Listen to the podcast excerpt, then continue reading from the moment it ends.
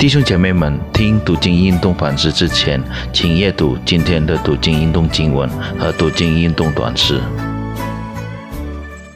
真的弟兄姐妹平安，感谢上帝的恩典，仍然给我们机会来回应他对我们的呼召。因为不是所有人可以被圣灵感动来回应上帝对我们的呼召，因此我们都是有福。我们今天要思想的主题是。信徒蒙赦免，聆听上帝的话语之前，我们先低头祷告。天父上帝，我们感谢你对我们的呼召，我们也感谢你使我们回应你的呼召，来聆听思想上帝的话语。这时候，我们把时间交托在你的手中，愿你对我们说话，也求你帮助我们明白你的话语，并在生活中行出来。我们祷告，奉靠耶稣基督的名求，阿门。我们今天的阅读经文取自于《民书记》第十九章，我给大家读一下十七到十九节。要为这不洁净的人，哪些烧成的除罪灰放在器皿里，倒上活水，并当有一个洁净的人拿牛膝草站在这水中。把水洒在帐篷上和一切器皿，并帐篷内的众人身上，又洒在没了骨头或没了被杀的或没了致死的或没了坟墓的那人身上。第三天和第七天，解禁的人要洒水在不解禁的人身上。第七天就使他成为洁净。那人要洗衣服，用水洗澡。到晚上就洁净了。尊的弟兄姐妹，在旧约时代，以色列人必须进行的各种献祭仪式，今天灵修短册中提到的祭物很独特，因为一般的祭物是公的，在会幕前宰杀，以及有想要献祭的人带来，无论是他们犯了罪，还冤祭或表示感谢。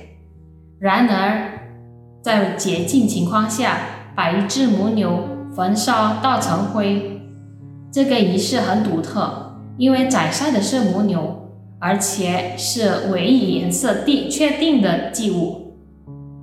仪式的地方也不同，祭司以利亚撒必须在会幕场外举行，远离会幕的门口。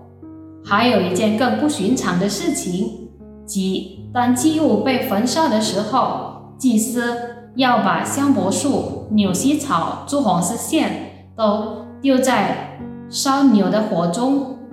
之后，纯红母牛的灰被收起，存在营外洁净的地方，为以色列众人叫做除污秽的水，这本是除罪的。当一个人直接或间接摸了人死尸，有意或无意的接触任何尸体的时候，他被认为有罪的，因此被定为不洁净七天。不洁净的人不可来敬拜圣洁的上帝。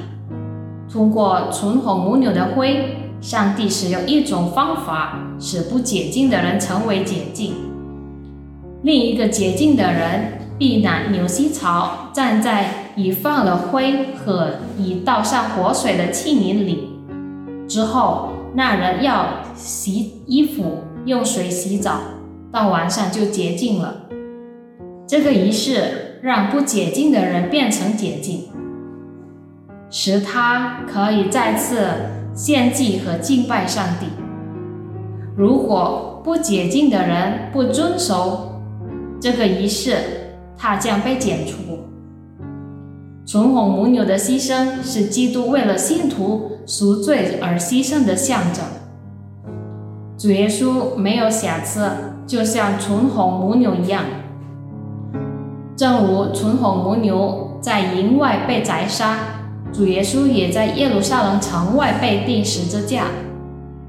正如纯红母牛的灰能洗净人死的污秽，基督的牺牲。